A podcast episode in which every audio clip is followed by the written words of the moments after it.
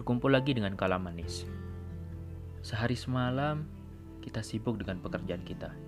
Kita sibuk dengan handphone kita. Kita sibuk dengan permainan kita. Kita sibuk dengan urusan duniawi kita. Sampai kita lupa. Kita lupa meluangkan waktu dengan kitabullah.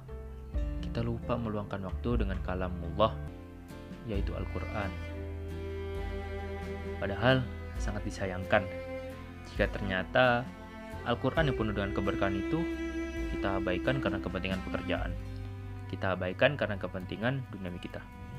Al-Quran dianggap tidak lebih penting dari pekerjaan. Nauzubillah.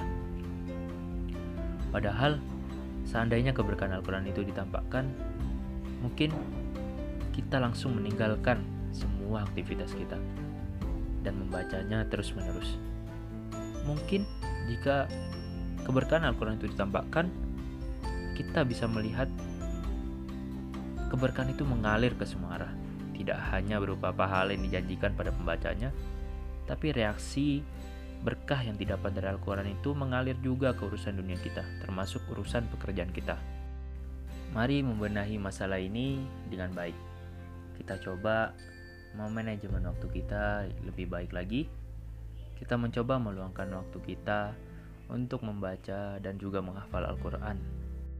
Maka, jika itu semua kita lakukan, insya Allah Allah akan memudahkan urusan keseharian kita. Allah akan mempermudah kita dalam urusan pekerjaan.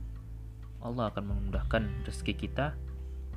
Bahkan Allah juga akan memudahkan urusan duniawi kita. Sekian.